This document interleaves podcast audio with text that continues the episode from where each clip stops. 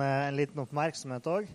Jeg har jo lenge følt meg veldig ung. Jeg er jo gift med ei som er godt opp i 30-årene. Hun, hun, fylte 30 år i april, så, så, jeg har jo lenge påpekt at jeg er jo fortsatt i 20-årene, mens hun er jo inne i 30-årene. da. Så hun får høre det. Men nå er det snart slutt på den tida. Så eh, Det var en fin innledning her. Vi hørte fra eh, Matteus 18 om, eh, om, den lille sauen og de 99 andre, og den gode hyrden som går og leter etter den ene. Og Det var egentlig en god innledning. Eh, jeg satt jo her på fredag og skulle forberede preken og, og tenkte at jeg har funnet et, bra bibelvers som jeg tenkte det her er solid. Her kan, jeg, her kan jeg skrive en god preken og komme med et godt budskap. Eh, men jeg hadde ikke helt roa for det. Og Eh, jeg tenkte ok, men jeg har ikke så mye tid på meg på å forberede en preken, så jeg kan bruke litt tid sammen med deg, Gud. Jeg kan bruke litt tid i bønnen og lytte til det. Men jeg har ikke sånn kjempebra tid, så nå må du komme. Nå må du fortelle meg hva du vil at jeg skal komme med i dag, hvis du har noe annet for meg. ok? Så, eh, og bare for å si det, Hvis dere, dere ikke hører så ofte at liksom, man tror at Gud tar deg til oss Vel, tror vi på en død Gud? Nei, vi tror på en levende Gud. Tror vi på en avmektig Gud som ikke kan ta til oss? Nei, vi tror på en allmektig Gud som kan ta til oss. Tror vi på en Gud som ikke ønsker å være sammen med oss? Nei, vi tror på en Gud som lengter etter å være sammen med oss og ha fellesskap med oss. Så vi tror at Gud han kan snakke til oss eh, og, og, gi oss instruksjoner.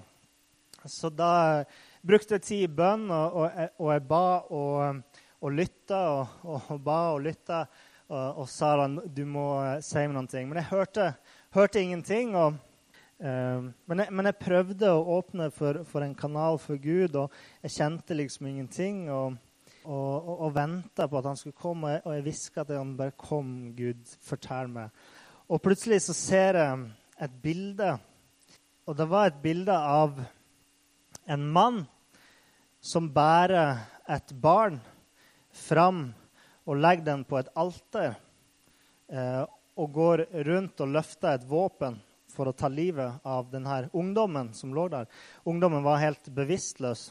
Eh, men uansett så tenkte jeg meg at ok, kanskje Gud ønsker å vise meg at jeg skal fortelle historien om Abraham og Isak. Fordi I Bibelen så står det jo i første Mosebok om eh, Abraham som ber Gud om å ta med sønnen sin Isak opp på et fjell for å ofre sønnen sin og, og, for å se at Abraham var lydig. Eh, og når han, Abraham kommer opp på fjellet sammen med sønnen sin, så gjør han seg klar for å, å legge sønnen sin på alteret og, og, og, for å ta hans liv og, vise lydighet til Gud. Men idet han er på vei til å, til å ta livet av han, så stopper Gud han. Eh, for da sier Gud, 'Men du har bestått testen'.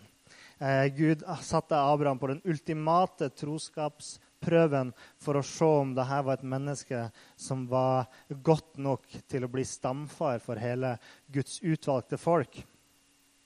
Men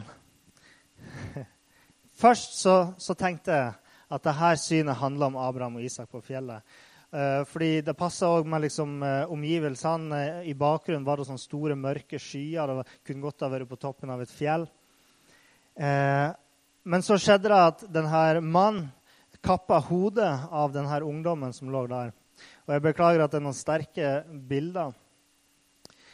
Eh, men jeg, så jeg skjønte at dette var noe annet, for det var ikke sånn historien gikk. Eh, og, og, da så jeg at den mannen som hadde henretta denne ungdommen, det var en, en engel. Og, eh, og, og, og engelen løfta opp hodet på denne ungdommen og holder dem mot meg. Jeg tenkte hva er det her? Hva er det du vil si for noen ting, Gud? Kunne jeg ta feil av denne scenen? Var det ikke en engel, var det en demon? Men hele, eh, hele stemninga passa ikke med det, for en demon ville glede seg over å ødelegge det Gud elsker. Men her var det alvor, og engelen hadde en rettferdighet over seg. Og mens dette skjer, så flytter skyene seg bak. Så flytter de seg vekk. Og, og i horisonten så ser jeg himmelriket som skinner som en by i gull, eh, som jeg ser bak der. Og denne henrettelsen skjedde da i et mørke utafor himmelen. Og Da begynte jeg å spørre hva er betydninga av det her? Jeg, trengte at Gud sa til meg, eh, jeg, trengte at han skulle si til meg hva, hva er tolkninga. Hvordan skal jeg ta det her? Hvordan skal jeg legge dette bildet fram for menigheten? Det, jeg òg innså jo at ok, men, men det her er jo ganske sterke, sterke bilder. Eh, og så kom denne tanken at det her er den døden, den henrettelsen, det er den døden som rammer de ugudelige, de som fornekter Jesus, de som ikke kan komme inn i, i Guds rike. Og det at det var en ungdom, det var meint for oss å hjelpe oss å få forståelsen av at sjøl om dommen er rettferdig, så elsker Gud de som blir dømt. Eh, det skulle hjelpe oss å få en større medfølelse for de menneskene som går denne dommen i møte. Fordi vi skal elske syndere sånn som Gud elsker syndere. Og Gud elsker alle mennesker, men de som fornekter Gud, de må dø for sin synd fordi Gud er rettferdig. Så det var heller ikke denne engelen som sto der, viste heller ingen spesiell sorg, men det var et alvor der. Eh, og, og, det at det var en ungdom, eh, liksom rører ved vår, ved medfølelse, fordi det er lettere for oss å føle med de unge enn om det hadde vært en, en gal kriminell eller et eller annet sånt, som vi hadde kjent at wow, han fortjente straffen. Eh, så eh, når jeg satt med, eh, liksom med øynene lukka og, og, og fikk denne betydninga og akkurat når jeg tenkte, tenkte den, Det går jo fort når man satt og tenker. Så tenkte den her eh, at det her var en, en, dom over de urettferdige. Er det det her som er meninga? Og akkurat da så merka jeg at det ble sånn lyst i rommet rundt meg. Og, eh, og så åpna jeg øynene, og da, da, var det sola som hadde dukka fram bak skyene. Dere trodde jeg skulle se det var en engel, sant? Det var ikke det. Var ikke det. Men, eh, men jeg, liksom satt og venta på at Gud skulle, forklare det, og så, og så, plutselig så skinte sola. Dette var en, en dag der det var overskya. Så, så, det føltes, føltes litt sånn At Gud liksom bare Du har eh, forstått det. Men man kan jo aldri vite. Så, så jeg, jeg, sa til Gud at liksom OK, eh, hvis, du, hvis denne tolkninga er riktig, så må du gi meg et tegn nå. Eh, hvis, hvis, det er det her jeg skal, jeg skal snakke om, så, så, gi meg et tegn. Hva som helst. Og, eh, og, og, og, da fikk jeg en sånn tanke om kanskje jeg skal ringe til noen liksom, som er enda mer åndelig moden enn meg, som jeg vet har noen nådegaver eh, som kan hjelpe meg å tolke her. Eh, og, jeg tenkte på mormora mi, men jeg, jeg, fikk liksom ikke helt Nei, jeg skulle ikke ringe henne nå. Eh, og akkurat da så sier telefonen min pling. Og så er det en kompis av meg som jeg ikke kjenner så godt. Men plutselig så hadde han for, fått for seg at han skulle sende et bibelvers på Facebook. Og da hadde han eh, sendt til meg Johannes, nei, Jesaja 28, 16. Og dere trenger ikke å slå det opp, for det er så kort. Der står det eh, Den som tror, har ingen hast. Den som tror, har ingen hast. Ja, for den som tror, har ingen hast. Eh, fordi at den som tror, han vil bli frelst, og han vil komme inn i Guds rike. Men hvem er den som ikke tror? I Lukas kapittel 13 der står det på denne dagen var det også noen til stede som fortalte Jesus om de galileerne som Pilatus hadde drept. Og da sier Jesus til dem hvis dere ikke omvender dere, skal dere alle omkomme på samme måten. De kom og fortalte han om en gjeng med galileere som hadde blitt henrettet av Pontius Pilatus. Og Da sier Jesus ja, hvis dere ikke vender om, så vil det skje det samme med dere. For de som tror, så er det jo ingenting som haster mer enn å vende om til Jesus og tro på han. Og Gud har vist oss at hans ønske for oss er å redde oss fra fortapelsen. Han vil ikke at vi skal havne i fortapelsen, men for så høyt har Gud elsket verden at han sendte sin sønn, den enbårne, for at hver den som tror på ham, ikke skal gå fortapt, men ha evig liv. Det er hans ønske, hans hjerte for oss. så, når man blir frelst, så har man ikke lenger noen hast og ikke noen nød for, for min frelse eller for din frelse. Men, men det er fortsatt en, en eh, utrolig hast for de som enda ikke har vendt om til Gud. Så det her var et tegn som gjorde at jeg sa OK, Gud, jeg kjører på med det her. Eh, jeg tar ditt ord på det. Sjøl om vi kanskje snakker mer om Guds rike i menigheten enn vi kanskje snakker om Guds dom, så, så, har Gud minnet meg på at jeg skal snakke om det her i dag. Dere vet, Den store angsten i menneskets liv er jo frykten for døden og attpåtil frykten for hva som skjer etter vi har blitt døde. Noen finner seg til rette med å tenke at Livet stopper ved graven. Man blir gravlagt, og man blir en del av jorda. og Man blir spist opp av mark, og det er det. Ikke noe mer. Og jeg kan forstå at det er en viss trøst i det. Um, og innse at uh, livet til syvende og sist er meningsløst. I den forstand at det vil ikke komme noen dom. Det, vil, man vil ikke holdes ansvarlig for noen ting. Man vil verken få straff eller lønn eller noen ting for det man har gjort. Uh, livet er der det er. Ferdig med det. Og det at det ikke er noen konsekvenser for det man gjør i løpet av livet, det letter jo litt, selvsagt litt på samvittigheten for noen som tror det. Andre de tror at når man dør, så havner man i himmelen. Men vi kristne derimot, vi tror at livet har to utganger. Det ene er himmelen, den andre er helvete. Og vi snakker kanskje ikke aller mest om helvete. Og En av grunnene er jo selvsagt fordi at vi Um, I hvert fall som jeg tenker at Vi skal ikke framprovosere en falsk omvendelse i folk, der vi skremmer mennesker liksom, til, å, til, å, tro, sånn, gi din overfladisk tro, sånn at de skal helt av egoistiske årsaker redde seg sjøl fra helvete. Liksom. For Jesus sier jo tross alt da at eh, en sann omvendelse er ikke at vi prøver å redde vårt liv, men at vi legger ned vårt liv og overgir oss til Gud. sant? Så det er litt av grunnen. Man skal ikke skremme folk inn i himmelen. Eh, det tror ikke jeg er den beste måten. Men en annen grunn er jo selvsagt at, at, eh, at, mange kristne synes det er ubehagelig å snakke om det.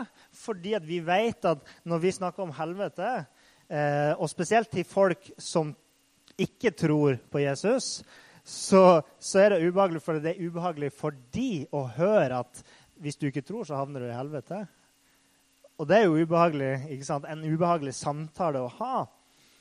Eh, for uansett hva helvete er for noen ting, det kan vi jo ikke forestille oss. Men det kommer ikke til å være et hyggelig sted eller en hyggelig tilstand å være i. Og Derfor er det heller ikke så hyggelig å snakke om, og spesielt ikke til personer som er på vei dit. Uh, men så tenker jeg noen ganger at hvorfor skal det være så ubehagelig å snakke om det når vi samtidig kan si at men det finnes en vei ut? Du trenger ikke å dra dit. sant? Vi kan, komme, vi kan si det her er det som venter, hvis du ikke vender om. Fordi Gud han har sørga for en utvei, og den veien heter Jesus. Så det er håpet vi kan gi. Vi kan snakke sant og alvorlig om det som er sant. Men vi kan samtidig vise folk en nådens vei ut. Og, og samtidig så er jo denne denne læren om livets to utganger, som Kirken alltid har undervist og stått for, eh, en helt grunnleggende eh, plass i den kristne troen. sant? Noen de, men noen de forestiller seg at pga. at Gud kan la folk havne i helvete, så er han ond. Okay? Noen folk de tenker det. Man tenker at hvis Gud virkelig er god, så vil han ikke la folk havne i helvete. Men man, man ser da eh, Man skaper egentlig en, et, et, eget bilde av Gud som ikke helt stemmer overens med den Gud egentlig er. For Gud er hellig, og han er rettferdig, og han er god og nådig. Så hva vil det si at Gud er hellig? Det betyr at han er annerledes enn alt det skapte. Det betyr at han står over det. Det betyr at han er, han er syndfri, han er feilfri, han er ren. Det betyr at han er absolutt perfekt. Og at Gud er hellig, det beskriver òg at det er en avstand mellom oss og Gud, fordi vi, vi er ikke hellige. Gud er perfekt, vi er uperfekt. Han er uten synd. Vi er gjennomsyra av den som mennesker. I Jesaja 59, 59,2 der sier Jesaja det er skylden, skylden som skiller dere fra deres Gud. Syndene deres skjuler ansiktet hans, så han ikke hører dere. Og Vi kan eh, tenke oss, for å bruke et bilde som Det er ufullstendig, selvsagt, men det er et bilde. Hvis vi tenker oss at Gud er som et fullstendig rent rom, ok? bare fylt med lys Og hvis det kommer så mye som et støvkorn inn i det rommet, så er ikke det rommet lenger fullstendig rent. Da er det bare et veldig rent rom. Og etter hvert som det kommer mer skitt inn i det rommet, jo mindre rent vil det rommet da være. Så hvis Gud er som et fullstendig rent rom uten et eneste støvkorn, så kan det per definisjon ikke komme noe som helst skitt eh, og, og, og, og skjetne ting inn i det rommet. sant? Det er ikke mulig. Før noe som helst skittent skal komme inn i det rommet, så må det først renses fullstendig. Og eh, vi, eh, ja, vi liker noen ganger å tro at vi er gode mennesker. Eh, men kom igjen, vi kan vel alle innrømme at vi ikke er perfekt, sant? Ingen av oss er perfekt. Bibelen sier det. Det finnes ikke én som er god. Ikke én utenom Gud.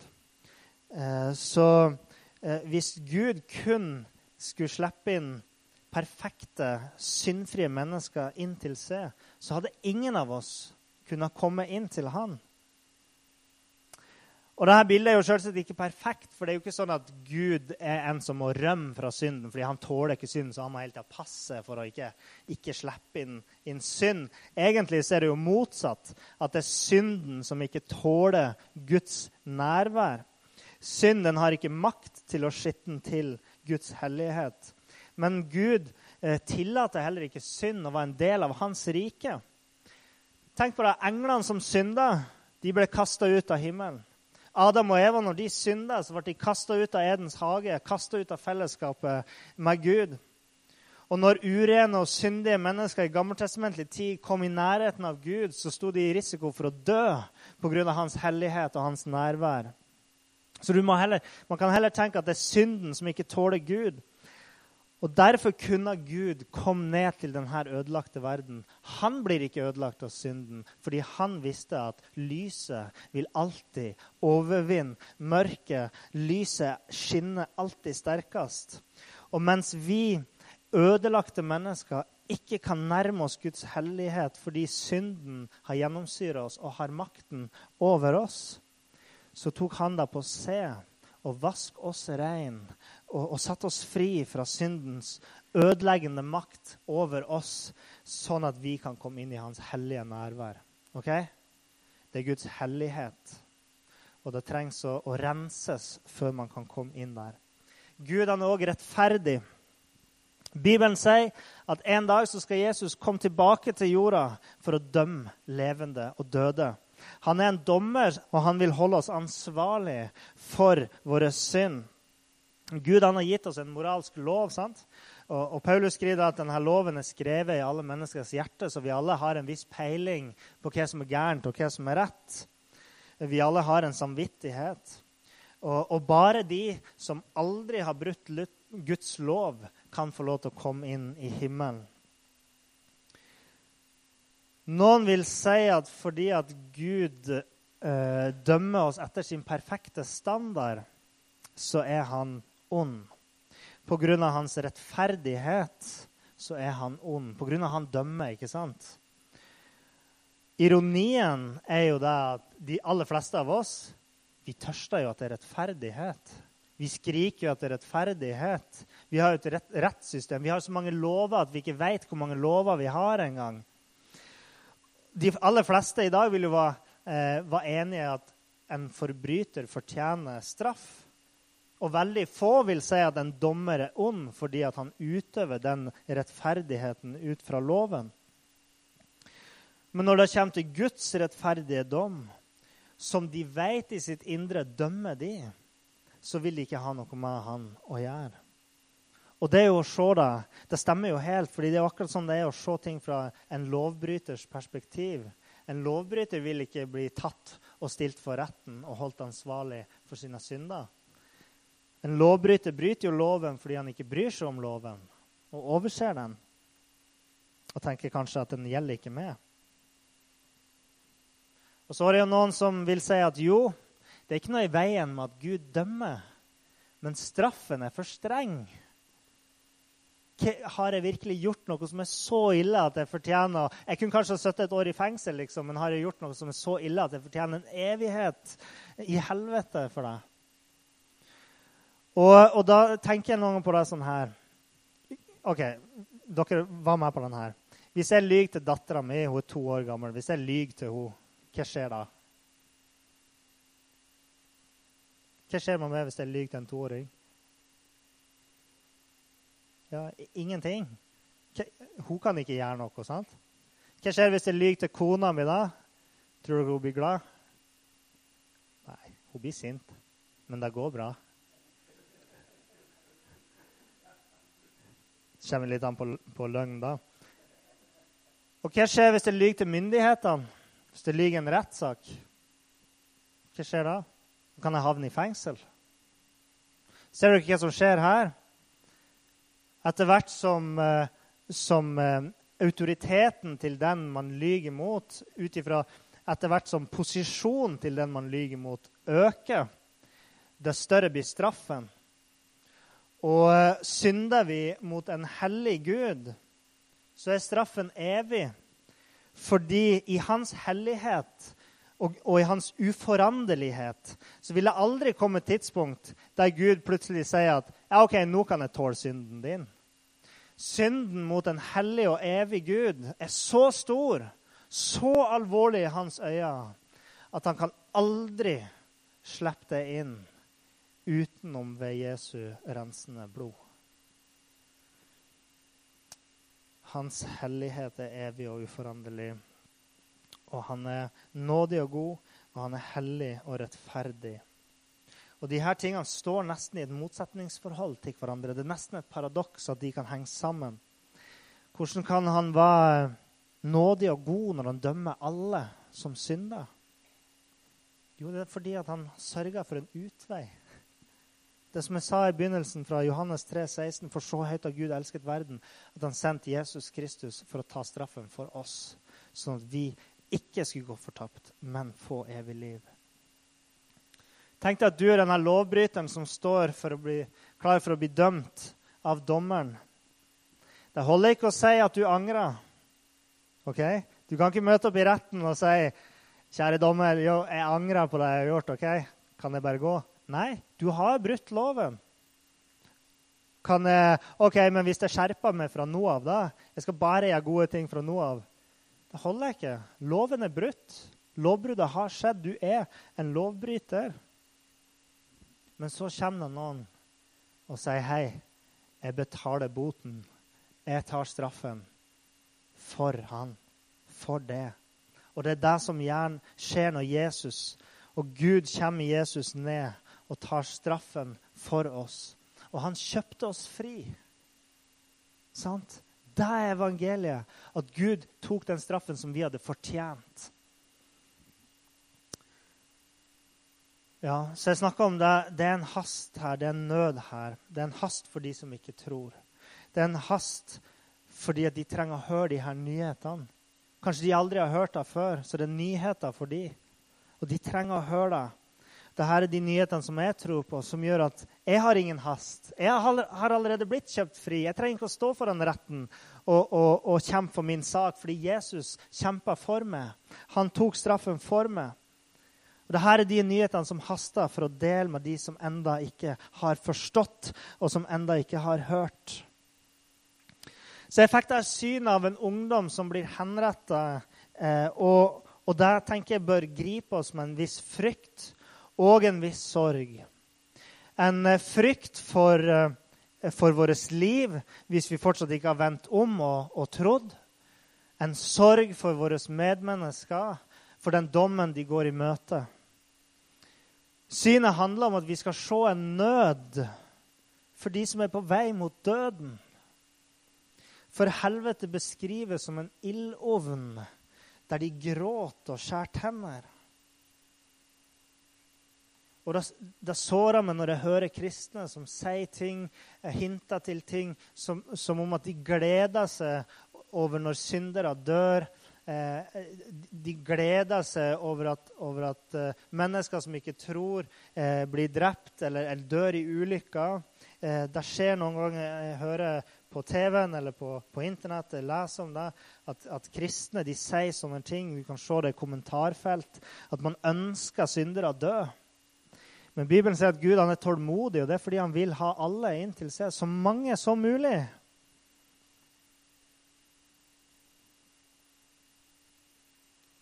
De sier at når en synder dør, ja, da får de som fortjent, og så gleder de seg over at de skal havne i helvete.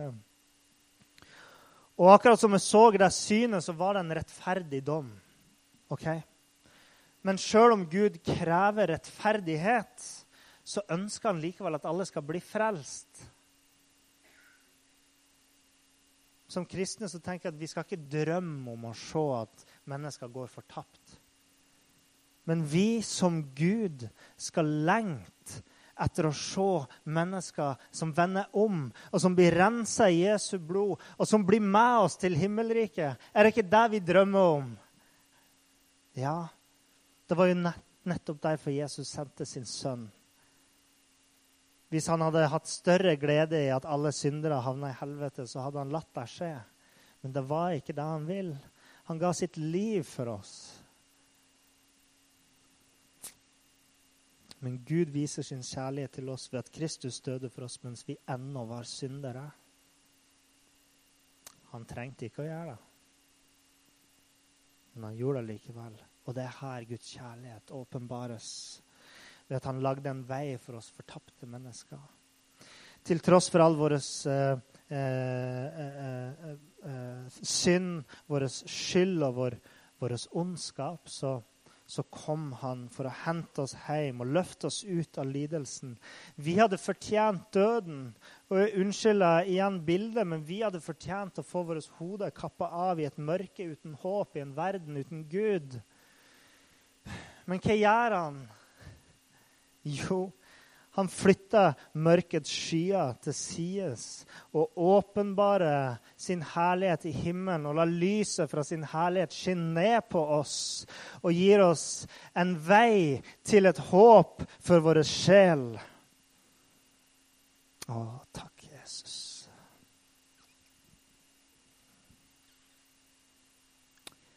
Og I Lukas kapittel 13 der står det videre den som sår det gode kornet, er menneskesønnen, altså Jesus. Jesus forklarer en lignelse. Den som sår kornet, er Jesus. Åkeren er verden. Det gode kornet er de som er rikets barn. Ugresset er den ondes barn. Fienden som sådde ugresset, er djevelen. Høsten er verdens ende. De som høster inn, er englene. Eh, det står i 13 13, 36-43. Høsten er verdens ende. De som høster inn, er englene.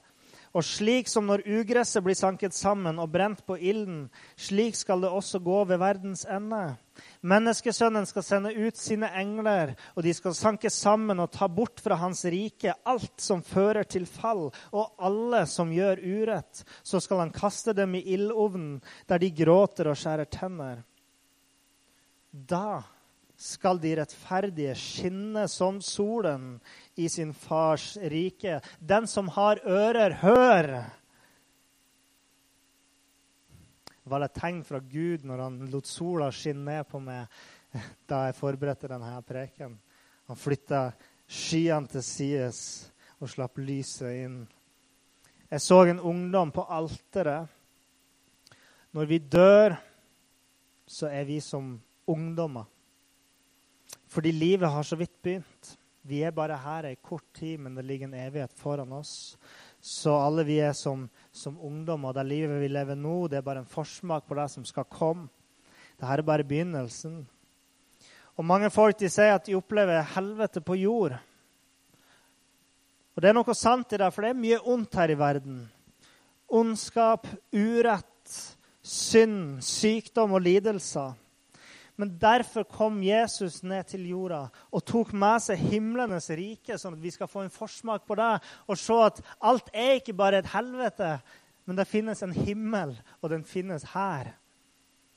Og Guds løfte for de som vender om og tror på Jesus, er det her. Han skal tørke bort hver tåre fra deres øyne, og døden skal ikke være mer. Heller ikke sorg eller skrik eller smerte. For det som en gang var, er borte. Sånn er himmelriket.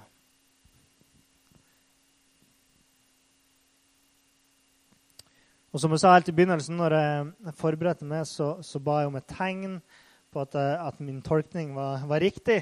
Og så minna han meg på mormora mi og jeg holdt på å ta opp telefonen for å ringe henne, men jeg følte ikke at det var det jeg skulle gjøre da. Eh, men i dag så var jeg på Facebook, og da så jeg at hun hadde delt en, eh, en video. Eh, og, eh, så, og, den videoen det var en sang som passa veldig bra uh, i forhold til at jeg skulle prate om himmel og helvete i dag.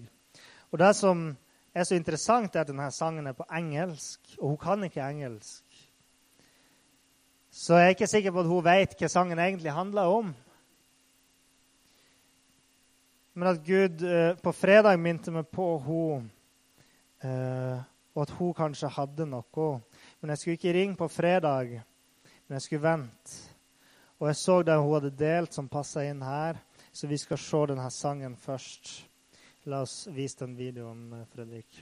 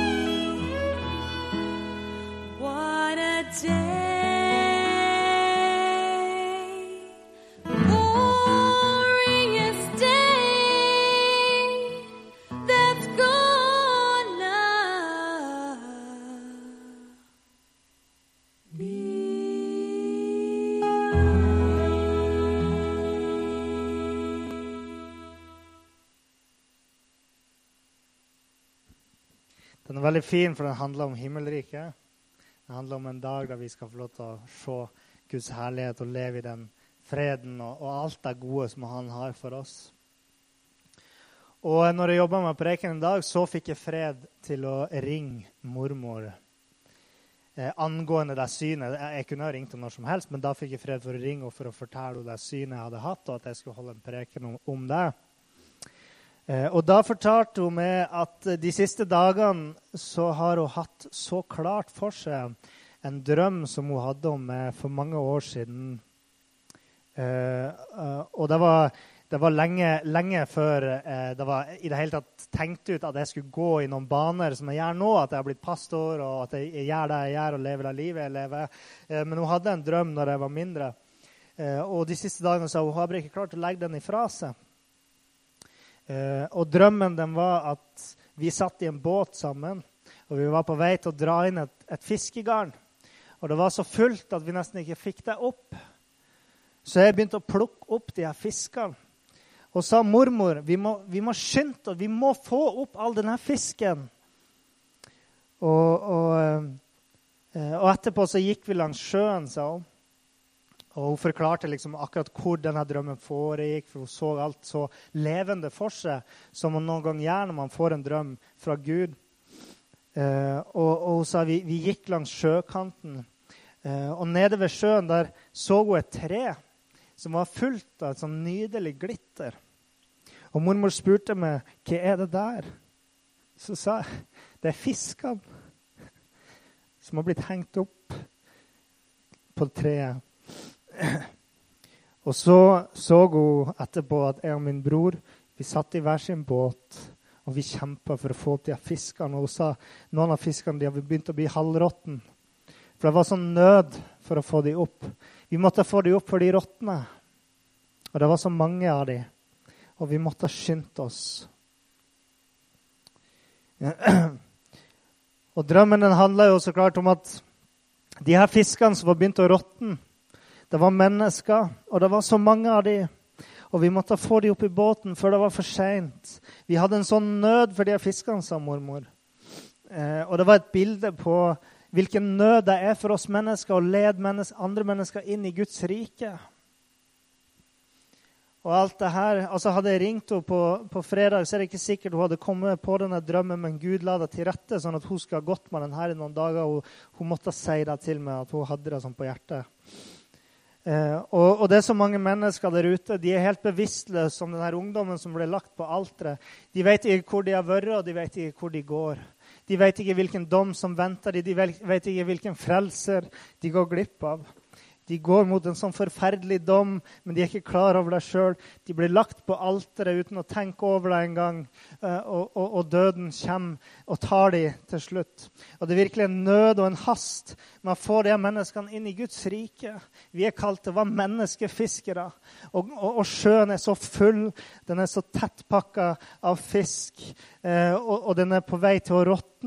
Så for alle som tror, så er dette et kall til å våkne opp og dele de her gode nyhetene med, med, mennesker. Be om at Gud skal gi deg visdom og frimodighet til å tale med de menneskene rundt deg. For vi er nødt til å redde dem før det er for seint. Det gjelder oss alle. Ikke, ikke, ikke belag dere på at pastorene skal frelse bygda eller redde menigheter. Det gjelder oss alle, folkens. Og ingen trenger å møte Guds dom, for de kan bli vaska rein av Jesu blod. Og en tanke jeg har tenkt mye i det siste, det er det her. Hvis en av mine venner eh, en dag skulle bli frelst og kjenne Guds herlighet i sitt liv og se hvor vakkert det er, og se sannheten klart for seg, og komme til meg og si Men Niklas, du er jo kristen. Hvorfor sa du ingenting? Hvorfor fortalte du ikke det til meg? Hvorfor sa du ikke hvor herlig det var? Hvorfor advarte du meg ikke? Og enda verre, enda verre vil være å møte min skaper, og han vil spørre meg hvorfor sa du ingenting. Jeg ville jo hente barna mine hjem.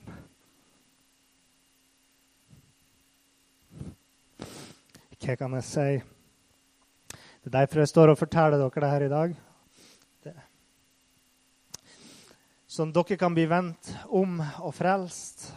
Så dere kan vende dere om og bli frelst. Og for dere som tror at dere kan få et fornya sinn og en fornya frimodighet til å forkynne evangeliet. Og har du enda ikke blitt født på ny, så sier jeg at i dag er dagen du har hørt evangeliet, og jeg ber deg om å komme fram hit, og la oss be for deg. Hvis du vil ta imot Jesus som din frelser i dag. Du er enda ikke født på ny, har enda ikke kjent Den hellige ånd, har ikke hørt Guds stemme i ditt liv. Kom fram her, så skal vi be for deg. Er du syk? Har du nød i ditt hjerte? Har du mennesker rundt deg du trenger forbønn for, så ber jeg deg om å komme fram hit, og vi skal be for deg.